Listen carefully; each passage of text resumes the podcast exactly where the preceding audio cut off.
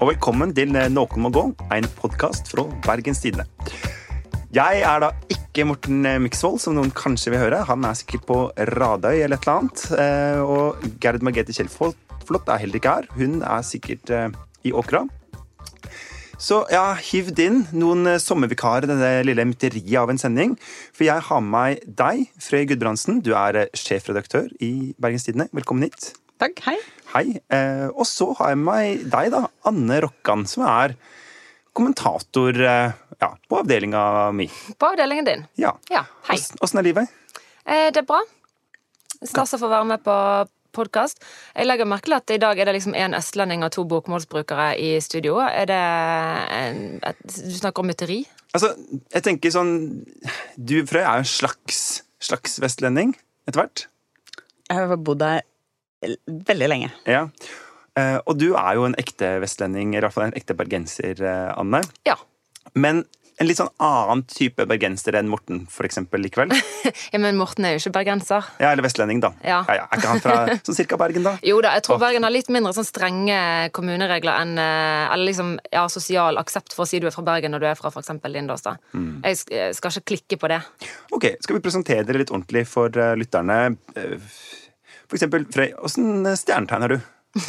Eh, vet du, jeg er vekt. Vekt? Ganske balansert. Og ja, veier ting opp mot hverandre. Ja. Var det avgjørende i prosessen med å bli sjefredaktør? Spurte de mye om det på intervjuene? Eh, nei.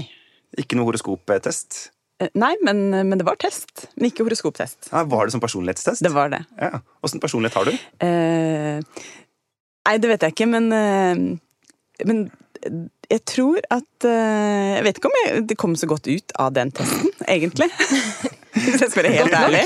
Godt nok, åpenbart. Men, Eh, Anne, sånn som jeg kjenner deg, så er du ikke vekt, rolig og avbalansert. Overhodet ikke. Jeg sitter nå irritert, og her får du to kvinnelige på en måte, intervjuobjekt, og så bare venter jeg på at du skal spørre hvor vi er i menstruasjonssyklusen. Men jeg kan jo begynne med å svare på at jeg er skorpion, og vi er jo eh, aggressive og hissige og eh, veldig sånn emosjonelle og Ja, så det, det er helt meg.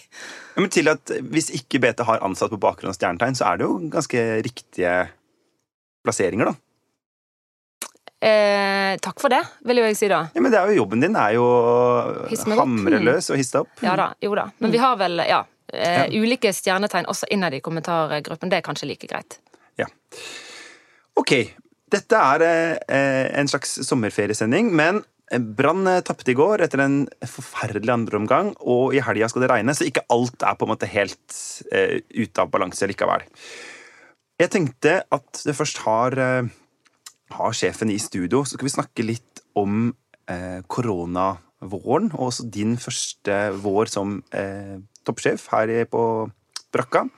Men først, hør litt på en annen eh, bergensk eh, toppsjef, nemlig hun her. Vi må altså i dag være forberedt på at vi nå kommer med sannsynligvis de sterkeste preventive tiltakene eh, som har vært i fredstid i Norge. Altså etter annen verdenskrig, med de tiltakene som kommer etter hvert. Fordi vi er nødt til å trykke på en større knapp.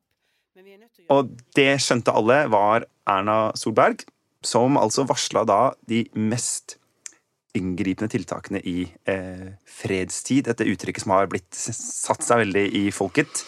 Og Frøy, hva stiller det beste journalistspørsmålet da du hørte det her. Hva følte du da? Å, jeg følte ganske masse. Eh, Jeg var jo eh, eh, Jeg har jo liksom lett angst. Ser farer komme både lett og tidlig. Noen ganger for liksom litt mye av det. Men akkurat i denne situasjonen så, så, så var jeg jo liksom ganske bekymra og var opptatt av at nå måtte myndigheten liksom Nå måtte man gjøre noe skikkelig. Så jeg var liksom Yes, endelig. Nå. Nå tar de. Men Så det var glede, på en måte? Eller sånn Lettelse. Ja, tilfredsstillelse. Mm. Yes, nå, nå liksom Nå blir det bra, tenkte jeg. Og så uh, samtidig så var det sånn Jeg husker da de begynte på den lista, Og hva de skulle stenge ned? og det skulle stenge ned, sånn. Og så først bare Ok, men dette er jo liksom Dette var jo ikke så mye. Og så fortsatte det, og så fortsatte det, og så bare Oi, oi, oi. Uh, dette er heftig, liksom. Ja. Så det var eh, blanda mange følelser på en gang, vil jeg si, da. Ja. Og så eh, er jo du eh, kjent for eh, noen lyttere som en slags doomsday prepper. Altså en som eh, liker å ta litt sånn eh, Ha litt ekstra med fyrstikker og parafin i heimen og alt det her. Ja. Var du forberedt på dette? Nei, nei altså Hadde du munnbind? Eh, Ja, vet du hva vi hadde med Ja, vet det- du hva? Ja, si ja. Men det, ja, det var faktisk bare fordi etter en uh, ferietur der uh, ungene kjøpte munnbind fordi de syntes det var gøy. Men uh, Det er en helt sånn fascinerende det er Hva slags oppdragelse er Ja, det du har gitt dem? si. Det kan du si.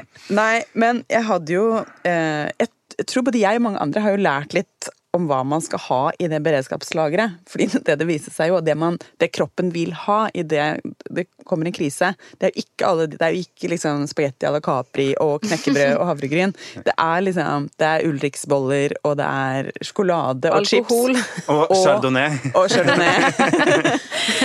sånn at eh, det er klart at det, det lageret, beredskapslageret mitt kommer til å Altså, det er annerledes nå. Det blir mindre havregryn og mer kappvin? Uh, ja.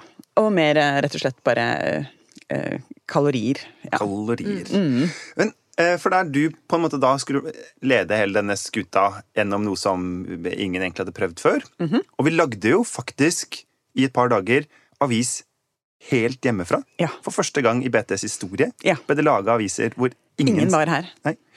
Eh, men det gikk jo, det òg. Ja da, alt gikk. Og så sa du, Anne, hadde rett og slett gått ut i perm for å være student. Ja. Eh, sånn, bare et par dager før, eh, før denne pressekonferansen her, da, så var jeg på en måte gått over til å være fulltidsstudent igjen. Eh, og når jeg er fulltidsstudent, så lever jeg på mange måter i eh, en høyst frivillig karantene. Går høy, på skolen når jeg må, eller så sitter jeg liksom hjemme og leser. og er noe sånn semisosial.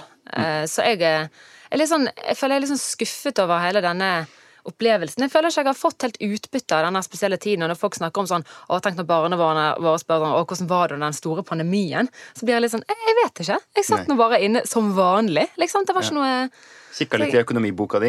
Ja, bladde litt i pensum og fant ikke noe svar på, på problemet vi hadde nå. Så ja, det var helt, litt sånn antiklimaks, egentlig. Jeg har hatt helt sånn motsatt opplevelse av Frøy, da. Ja, fordi du, Frøy, når eh, du overtok eh, sjappa rett før jul, Mhm. Og etter jul så rulla det ut en sånn stor kampanje om at nå skal BT satse på klimajournalistikken, og nå blir det liksom andre boller og alt det her. Og det var jo, for å si det på godt østnorsk, bare å drite i. Ja. Ja. Og åssen har det vært å drive avis under dette pandemikjøret? Og det har vært veldig mye forskjellig. Altså, og så var det veldig mange det ulike faser, ikke sant. Så i begynnelsen så var det jo bare helt ellevilt. Og jeg, det er sånn jeg kan nesten ikke skille Jeg husker ikke helt hvordan de ulike dagene var. Altså, men det var helt sånn bare sånn fullstendig kriseledelse, ikke sant. Det var bare få ting, få ting gjort, ta liksom beslutningene på å få folk ut, ut, av, ut av huset og hjem på hjemmekontoret. Og da trodde vi jo også at nesten alle nordmenn skulle bli Ja. Altså, de sa vel på en måte at i løpet av sommeren og høsten så skal 1,3 millioner Mm. ha hatt korona eller et eller annet sånt. Og det slo jo mildt sagt ikke til. Nei, for da, I starten handla jo alt bare om å hindre at det blei mye smitte blant BTs journalister, sånn at vi skulle holde oss gående, at vi skulle klare å gi ut avis og klare å levere til leseren. Ikke sant? Det var det eneste, liksom. Ja. Og samtidig dekke den største hendelsen på år og dag. Yes, samtidig. Så ja. Nei, så det var, eh, det var eh, annerledes enn jeg hadde tenkt. Men samtidig så veit man det når man tar over en sånn jobb da som sjefredaktør, du veit jo at et eller annet skal treffe deg. Og på en eller annen slags måte så Ok, det var dette jeg fikk i trynet først. Så det var et eller annet litt sånn Jeg tror ikke det bare er starten, da. Jo, det er sikkert. For jeg husker eh, Vi teksta om et eller annet etter et par uker, Ja. og så skrev du til meg sånn Jens, det skal bli mye verre. Jeg vet det. så du er jo liksom forberedt på at et eller annet nytt kan treffe oss. Ja da.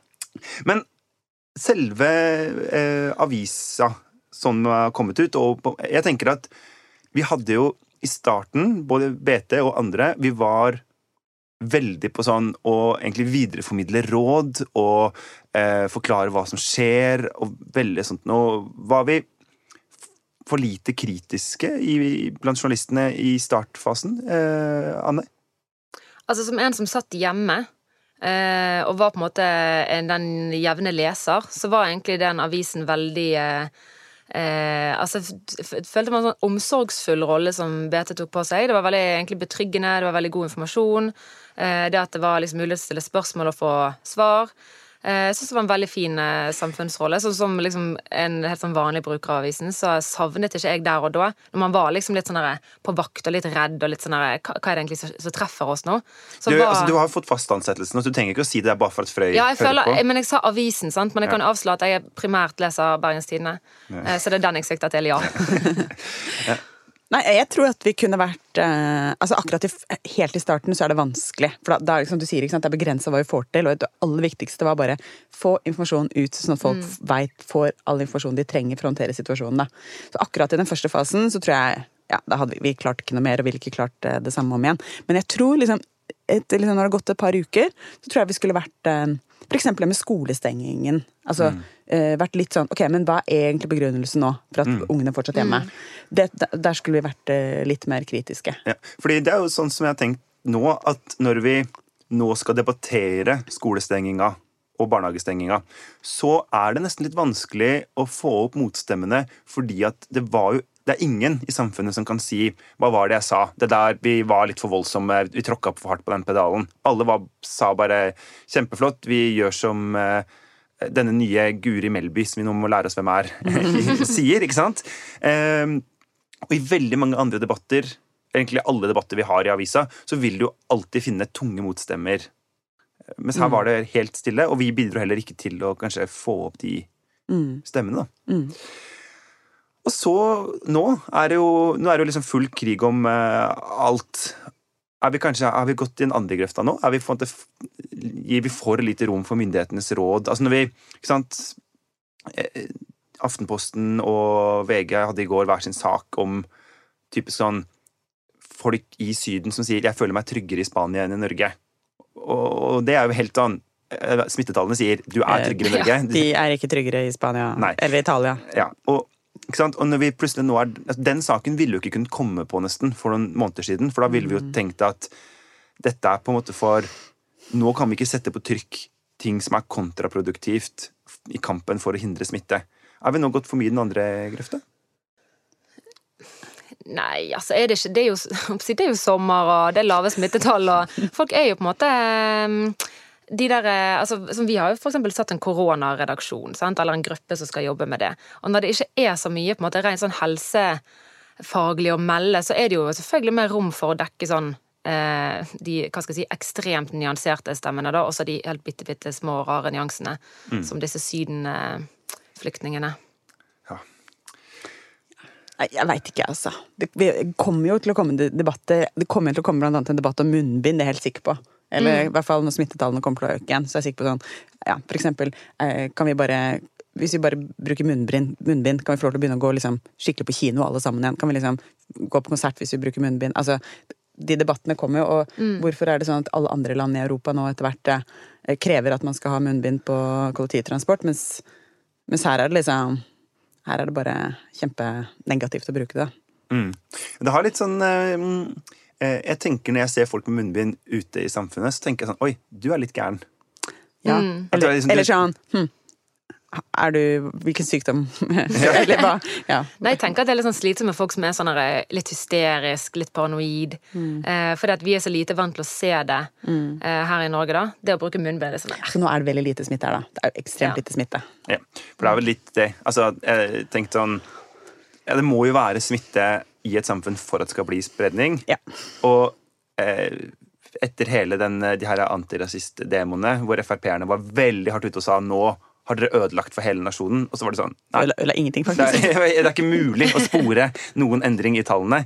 Eh, så tenker jeg at ok, hvis 15 000 kan gå i tog i Oslo sentrum uten at det får noen ting å si, så er vi vel ganske Ja.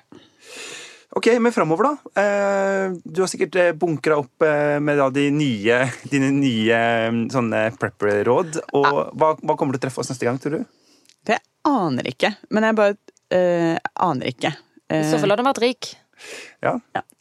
Men uh, i hvert fall det som er uh, mer chips i lageret, mer sjokolade. uansett, da. Jeg tror det er bra. Liksom, kroppen vil ha et eller annet bare behagelig. Samme hvilken krise som treffer deg, da. Tror jeg det jeg har lært. Veldig god lærdom. Vi skal rett og slett videre til sommerens eh, store debatt her eh, i eh, Bergen, da vi først endelig fikk litt koronafri. Så hør litt på dette. Hva er det som er så galt med å få noen sparkesykler også i Bergen? Det som er galt, det er at eh, vi har en aktør, eh, Ride, eh, som driver med utleie av el-løperhjul, som vi kaller det i Bergen. Og De kom i nattens mulm og mørke og plasserte ut hundrevis av el-løperhjul uten noen avtale med kommunen eller politiet, som selvfølgelig er eier av den offentlige grunnen. Og De driver altså kommersiell virksomhet på offentlig grunn uten avtale med Bergen kommune. I Bergen så er det sånn at Det var eh, byråd Tor Håkon Bakke som var i Dagsnytt 18. Og han snakka om sparkesykler eller elløperhjul. Eh, Anne, du som er fra Bergen, hva skal vi egentlig si? altså, når jeg var liten, så sa vi alltid løperhjul. Og det er, det er sparke... Løperhjul. Det, er, det er altså, sparkesykkel? Det, det, var en spark, men det er sånn ordentlig altså sånn du faktisk sparker, da. Ja. Eh, så da, ja. Løperhjul det ga jo aldri noe mening, egentlig, uansett. Men nå er det noe sånn. Ja. Men hva er det som har skjedd? Nei, altså Det som skjedde, var jo etter at vi har liksom skuet bort på Oslo, og de er sånn eh, løperhjulkaos. Så eh, litt sånn over natten så dukket de opp 5000 eh, sparke, veldig irrgrønne sparkesykler i Bergen sentrum. 5000? Ja, 500, unnskyld. Ja, ja, ja, 5000, det hadde vært enda Tenk deg Håkon, da. Å, herregud. Men 500 holdt, på en måte. De var jo veldig sånn tydelige i bybildet. Du, de var virkelig sånn overalt. Um, og dette kom litt som et sjokk på oss, tror jeg. For vi våknet, og så var det liksom sånn et sånn grønt skifte i byen. Uh, og, veldig, veldig elegant pappavits der. Takk skal du ha. Ja. Eh, og som det forrige grønne skiftet vi skulle inn i, så var det ramaskrik. Og uh, altså, jeg tror kanskje disse sparkesyklene hisset på seg 99% av befolkningen. I hvert fall de som ennå ikke hadde testet hvor gøy det. Nei, for det, det, viste jo også får vi si, lesertallene i BT. Det var ikke tvil om hva folk ville lese Nei. om. Det var veldig hyttede never og eh, Ja. Eh, men de, de, altså han Tor Håkon prøvde jo også å altså Det har vært Vi har hentet inn disse sparkesyklene og fått Ride til å liksom betale for å få de ut igjen. Vi har prøvd å anmelde de. Og dette har vært prøvd før i Trondheim, så anmeldte jo byen på en måte dette Det var vel Ride? Og tapte og måtte betale 200 000 i saksomkostninger og sånn. Så Ride er liksom den litt sånn frekke eh, kapitalisten som kommer helt fint unna. Og det har vært egentlig en Nå er det jo tre uker siden de kom, og det er ganske stille, og de har jo solgt vanvittig mange tusen turer og ansatt masse folk, og det, det, det, har egentlig gått seg til. Ja, at, men du syns Du nevnte så vidt at det er gøy? Ja. Jeg, altså, når, når jeg var liten Liten anekdote fra Bergen vest. Da når jeg skulle gå til skolen, så gikk jeg hver dag opp en lang, lang, lang lang brattbakke som, mellom meg og skolen, som vi da populært kalte utrolig bergenske navnet Brattiken. Brattiken. så Brattiken opp og ned hver dag, og det var liksom aldri snakk om å bli kjørt av uansett vær og vind og fullstendig islagt og altså, ja. Brattiken var liksom bar, barndomsmareritt, og da husker jeg hadde sånn fantasi om en slags et, altså, en skiheis eller et mm. eller annet som kunne liksom bare Tenk og bare på magisk vis transporteres opp Brattiken. Og når jeg første gang eh, litt sånn eh, prøvde å liksom skjule meg litt sånn i ytre Bergen sentrum og prøve en sånn sparkesykkel første gang, så fikk jeg en helt sånn magisk eh, følelse av at sånn, nå er fremtiden kommet. Og jeg bæres rundt dit jeg skal. Ja. Frøy, har du prøvd? Eh, jeg har faktisk, faktisk, ikke prøvd her, men jeg har prøvd eh, i andre byer, da. Og det er jo Ja, jeg liker det. Jeg må innrømme det. Ja. og, og, og, Bergen er jo en Det er jo brattiker absolutt overalt her. Så det er jo en veldig velegna by for å bli frakta opp uten å måtte faktisk bevege seg på egen, eh, på egen kjøl. Det er det også, men Bergen også et, er også kjent for å ha et veldig lite, vakkert og kompakt sentrum. Mm. Eh, der, som er godt egnet for konflikt. lite. Det var ikke et lite vakkert sentrum. Nei, et... lite og, og særdeles vakkert ja. eh, sentrum. Ja. Eh, og ja, eh, der det lett blir konflikt om mye. Ja, fordi altså han Espen Rønneberg i Ride, han eh, som er da sparkesykkelgründeren her i byen, han sa til Bea, vår kjære venn og konkurrent jeg hadde egentlig trodd at Bergen var som andre byer. Slik er det ikke. Det sitatet oppsummerer jo egentlig alle debatter vi har hatt i spaltene våre noensinne. Men Frøy, altså, hva tror du er grunnen til at Sparkesykkelgate engasjerte så innmari? Nei, Det er jo Bergen, det bergenske lynnet. ikke sant? Folk, eh, altså, her liker folk eh, når det eksploderer. Eh, og det, altså, folk blir rasende fort. Ja, Det er Nordens Napoli. Ja. Ja, jeg tror også det er litt det at eh, vi har på en måte sett dette kaoset utspille seg i Oslo i et godt års tid, og kanskje godtet oss litt over at de har eh, sin særegne ting å slite med, sånn som vi på en måte har Bybanen og brann og sånn. Eh, og så kom liksom kaoset hit også, så vi ble litt sånn akutt sånn åh, nei, eh, det vil ikke vi ha på vårt bord, på en måte. Men nå tror jeg jo egentlig at folk har Altså, jeg tror vi kan nesten kalle det en suksess, bortsett fra selvfølgelig et par sånn Ehm, ja, logistikkproblemer, da. Hvor skal de stå? Hvordan skal vi Altså folk som er uh, vanskelig fremkommelighet. Uh, ja, dette går jo kjempehardt utover de. Det er jo et stort problem. Men så også, tror jeg også at det eksploderte ekstra nå fordi det er så mange som har demma opp masse aggresjon gjennom koronavåren. Slitt med disse restriksjonene. Mye sinne som ikke har kommet, funnet en vei ut ennå. Brann Så da har folk jo våkner spilt. opp, Bergens graseri som Ja. ligger og ulmer. så våkner folk opp, ser foran sin egen ytterdør et sånt grønt, lite miniatyrmonster, og så bare brøler de. Ja.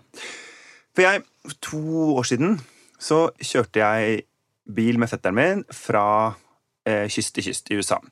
Og vi så da disse greiene første gang i Los Angeles, og han er jo da en slags eh, teknologioptimistisk eh, ingeniør fra NTNU.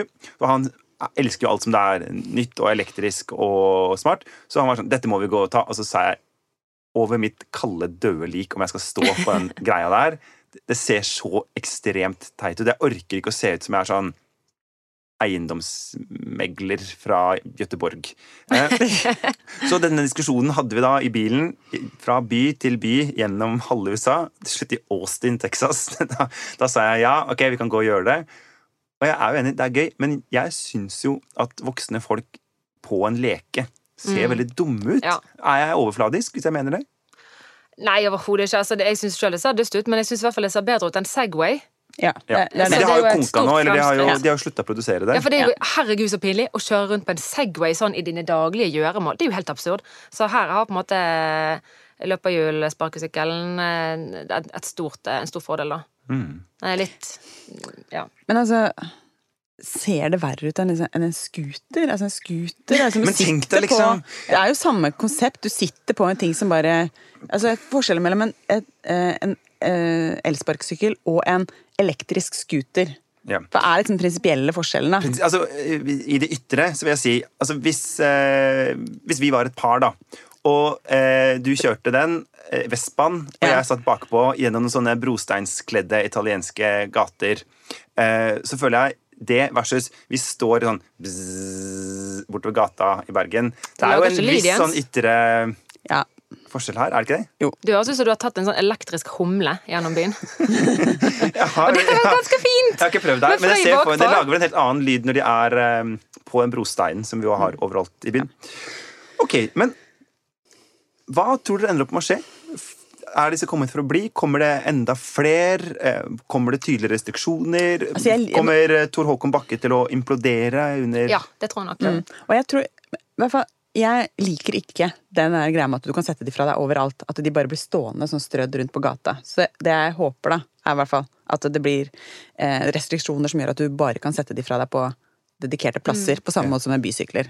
Sånn, jeg, jeg, jeg, jeg liker ikke den strødd Men rundt for. BT er rett og slett for dette her på lederplass? Det er vi. det er vi. Ja, du, er jo for det selv òg. Jo da, jeg får det. Men, eh, men det, altså, for øh, konseptet øh, elsparkesykler som man kan leie, er vi selvfølgelig kjempefor. Og så er det jo ekstremt mange nyanser, da. Innenfor hele dette. Ja. Ja. Så fri flyt av elsparkesykler overalt. og Man kan jo se for seg Hvis det hadde kommet liksom fire, fire selskaper til Ja, som begynner å strø eh, For det er det som er problemet. ikke sant? Hvis Ride nå er en suksess, det kommer til å komme flere kommer til å komme til. For i Oslo nå så er det 10 000 sparkesykler, melder Aftenposten. Det er for mye. Det er for mye. Men det er jo sånn eh, Altså, Ride har jo bevist en gang for alle at det er enklere å få eh, tilgivelse enn tillatelse. Eh, og det er jo et kjempenederlag for mm. Tor Håkon Bakke og eh, øvrige kommune. Ja. Så, Det er jo lite stilig. Ja. ja, men også litt eh, artig. Og litt bergensk. Litt bergensk, Sånn, ja. vi bare gjør det. Og så Ja. la, blir det full fyr i teltet, og så Så lenge du har noe som er gøy nok, så får du tilgivelse fra bergenserne.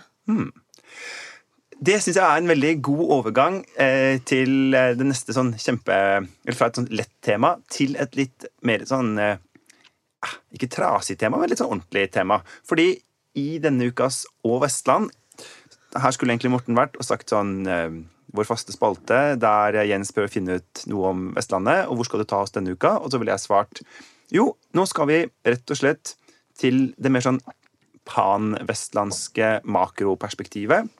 Jeg tenkte vi skulle snakke om eh, kvinneunderskuddet i denne landsdelen. Nå som jeg har to ja, har, har jeg to feminister på andre sida av bordet her?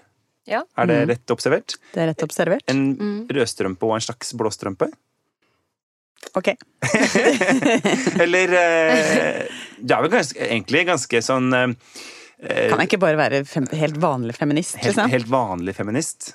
Jeg vil helst være det også, men jeg har, jeg har en, eh, en rød ankelsokk. Har jeg nok. Ja, ikke sant. En liten rød ankelsokk på deg. Eh, for i dag så er jo sånn at eh, Vestlandet har en god del eh, damer, men flere menn. Og det skal bare bli mer og mer av i åra som kommer. Og damene, hva gjør de? Jo, de eh, flytter fra bygdene og inn til Bergen, men enda mer egentlig til Oslo og andre plasser. Og så tar de seg en høy utdannelse og blir der. Og gutta eh, sitter igjen. Og Frøy, hva, hva skal vi si om dette her? Hva tror du er problemet, eller hva er det som har skjedd?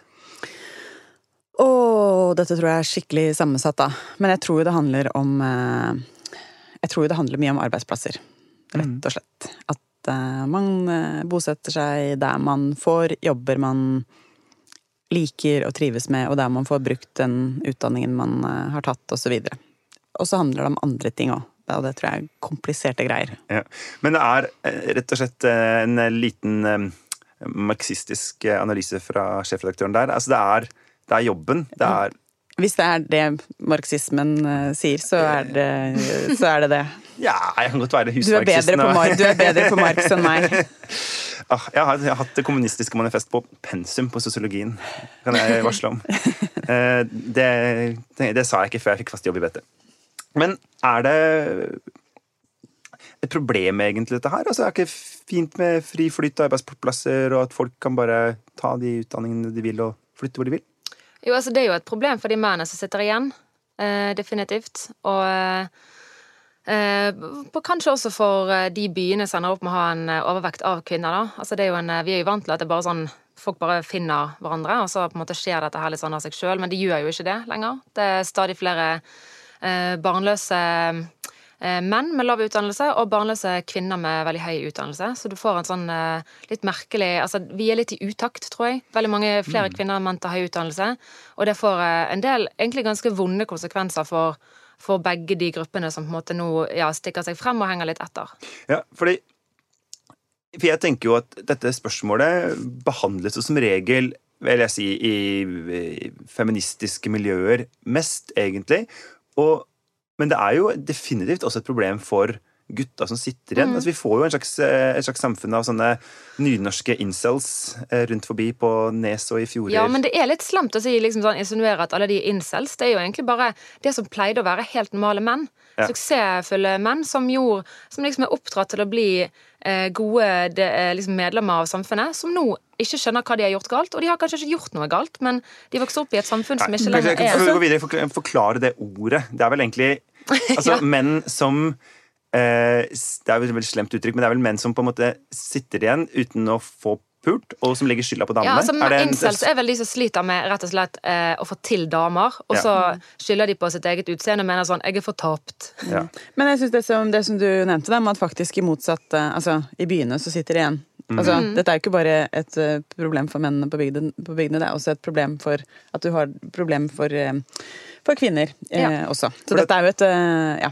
For det, det som er, er at hvis du Det er lett å tenke at de har alle muligheter i verden, men hvis du kommer fra Bremanger da, og tar en eh, lang utdannelse som vet ikke, eh, psykologspesialist, så kan du egentlig ikke flytte tilbake og bruke utdannelsen din med mindre du får akkurat den ene jobben som kommunepsykolog. Ja, det er Mange steder er det vanskelig å få brukt eh, spesialiserte utdanninger, rett og slett. Ja. Men er det Altså Fins det andre ting her? For at hun, eh, En som heter Elise Wintertun, som skriver i forrige nummer av Fett om Hun har flytta fra Odda og til Oslo. Og hun skriver om at det handler veldig mye, som du sier, om dette med eh, odel, som var reservert for menn fram til 74, og disse industriplassene, som Odd er et godt eksempel på, som er bygd opp rundt veldig tradisjonelle mannsarbeidsplasser. Men det, er det noe mer her enn det? Altså, for alt handler jo ikke som du kanskje var innom, ikke bare om arbeidsplasser og utdanning heller? Nei, altså det er jo et eh, altså Du snakket jo om studert litt sosiologi, og det er jo på en måte noe med å eh, hvis, La oss si jeg var fra Odda, da, og så flytter jeg til en storby og tar en eh, høyere utdannelse. Og selv om det ikke er en veldig relevant jobb for meg eh, og utdannelsen min hvis jeg skulle flyttet hjem, så kunne jeg jo gjort det hvis jeg likevel liksom, f.eks. hadde en partner eh, som jeg kunne snakke med, og på en måte som var på bølgelengde med meg etter at jeg har tatt denne utdannelsen. Men hvis du kommer hjem til en kultur som ikke forstår hva du snakker om, eller som ikke kan møte deg og den du er blitt, så hjelper du nesten ikke med jobb heller. Så det er på en måte to eh, En sånn kulturell del av det også. Mm. For det er det Altså, er, er, vestlendingen en eh, mann? Er det, er det, et spesielt maskulint samfunn eh, der ute som ikke jeg, altså jeg kjenner meg ikke igjen i Nei. det, da. Rett og slett. At det er så innmari Altså, jeg, jeg syns ikke liksom det er mer maskulint her enn i Drammen, for eksempel. Jeg som du er fra? Som jeg kommer fra. Nei, Nei jeg, jeg, kjenner meg ikke igjen i, i, det. At eh, det skal være så maskulint det her. Jeg tror det handler om, om andre ting. Og så er det jo Eh, Maria Dyrol Sandvik, eh, som jobba her før, hun skrev en veldig god tekst eh, for noen år siden. For det er jo nesten et slags sånn standardverk på feltet, men livmora mi får du aldri. Ja, og hun eh, hadde noen veldig gode poenger når det gjelder måte, hvordan møter bygdene denne utfordringen. Uh, og, det, uh, og, at uh, hvis måte, den der desperate jakten på, på fødekvinner. Folk, for, for, fødekvinner, for å få de tilbake igjen, sånn at de kan få opp fødselstallene altså Jeg tror ikke det heller hjelper så innmari. da. Man må bare respektere at ok, vi er frie mennesker som tar de valgene man gjør, og så må man på en måte gjøre det attraktivt. Men det er fokuset på at kvinner man må få kvinner hjem sånn at de kan få opp fødselstallene i bygda, det, altså, det virker ikke. Hjelper ikke at Erna står på nyttårstalen og sier at nå må kvinner sitte inn og føde, eller Nei, det... sånne ting. Jeg tror fødselstallene gikk ned markant etter den talen, egentlig. Snakk om trass. Ja, det er jo et eller annet Det ligger vel også litt for vestlendingen. Ja, ja, ja, definitivt. Vi puler ikke på, på ordre, vi. Det... Det, hvem gjør det? Østlendingen? Vi vet ikke.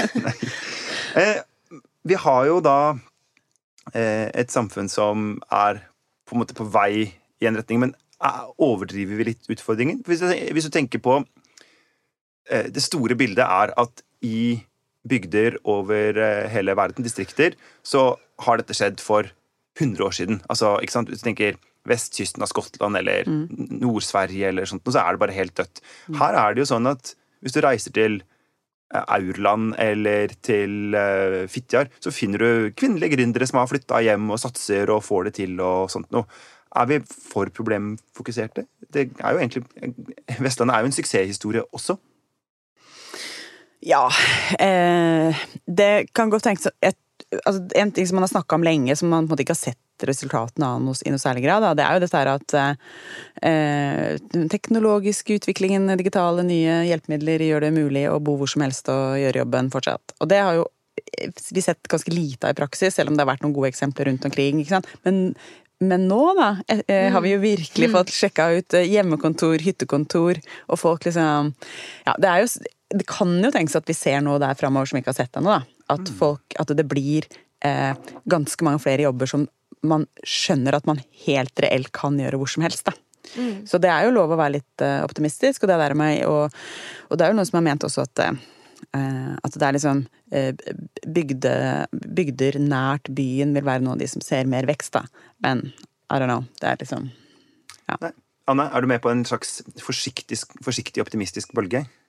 Altså, hva vet jeg? Jeg har jo så vidt satt en fot utenfor Bergen kommune. Så, og jeg blir i byen, kan jeg avsløre lever ditt liv i Brattiken? Nei, den har jeg også forlatt. Gud, herregud. Nei. Nå går jeg bare Traskerik-Sandviksbakkene. Det er det eneste. Da tror jeg vi rett og slett spør eh, som vi pleier. Hvem er det som må gå denne uka? Jeg har sluttet å gå. Jeg sparkesykler. Ja. Hva med deg, Frøy? Nei, jeg går fortsatt. Ja. Du går fortsatt. Ok. Eh, innspill og tilbakemeldinger de kan folk sende til nmg bt.no, eller i vår Facebook-gruppe Noen må gå, der vi også prøver å være litt flinke med å poste gode kommentarer og andre ting fra gjennom sommeren. Og ny episode prøver vi egentlig å få smelt ut eh, hver torsdag også denne sommeren. Får håpe at det går. Vi er eh, tynt bemanna på avdelinga neste uke, men vi skal gjøre et eh, forsøk. Intromusikken det var 'Bergensere' av eh, Bjørn Torske, og produsenten her det er eh, Henrik Svanvik. Du finner episodene i BT Lytt-appen, eller der du ellers forhandler din lokale podkast. Da tror jeg bare sier ha det, Albert Schweissan. Uff a meg. Jeg gidder ikke å kommentere mer på det. Jeg går. Hei da.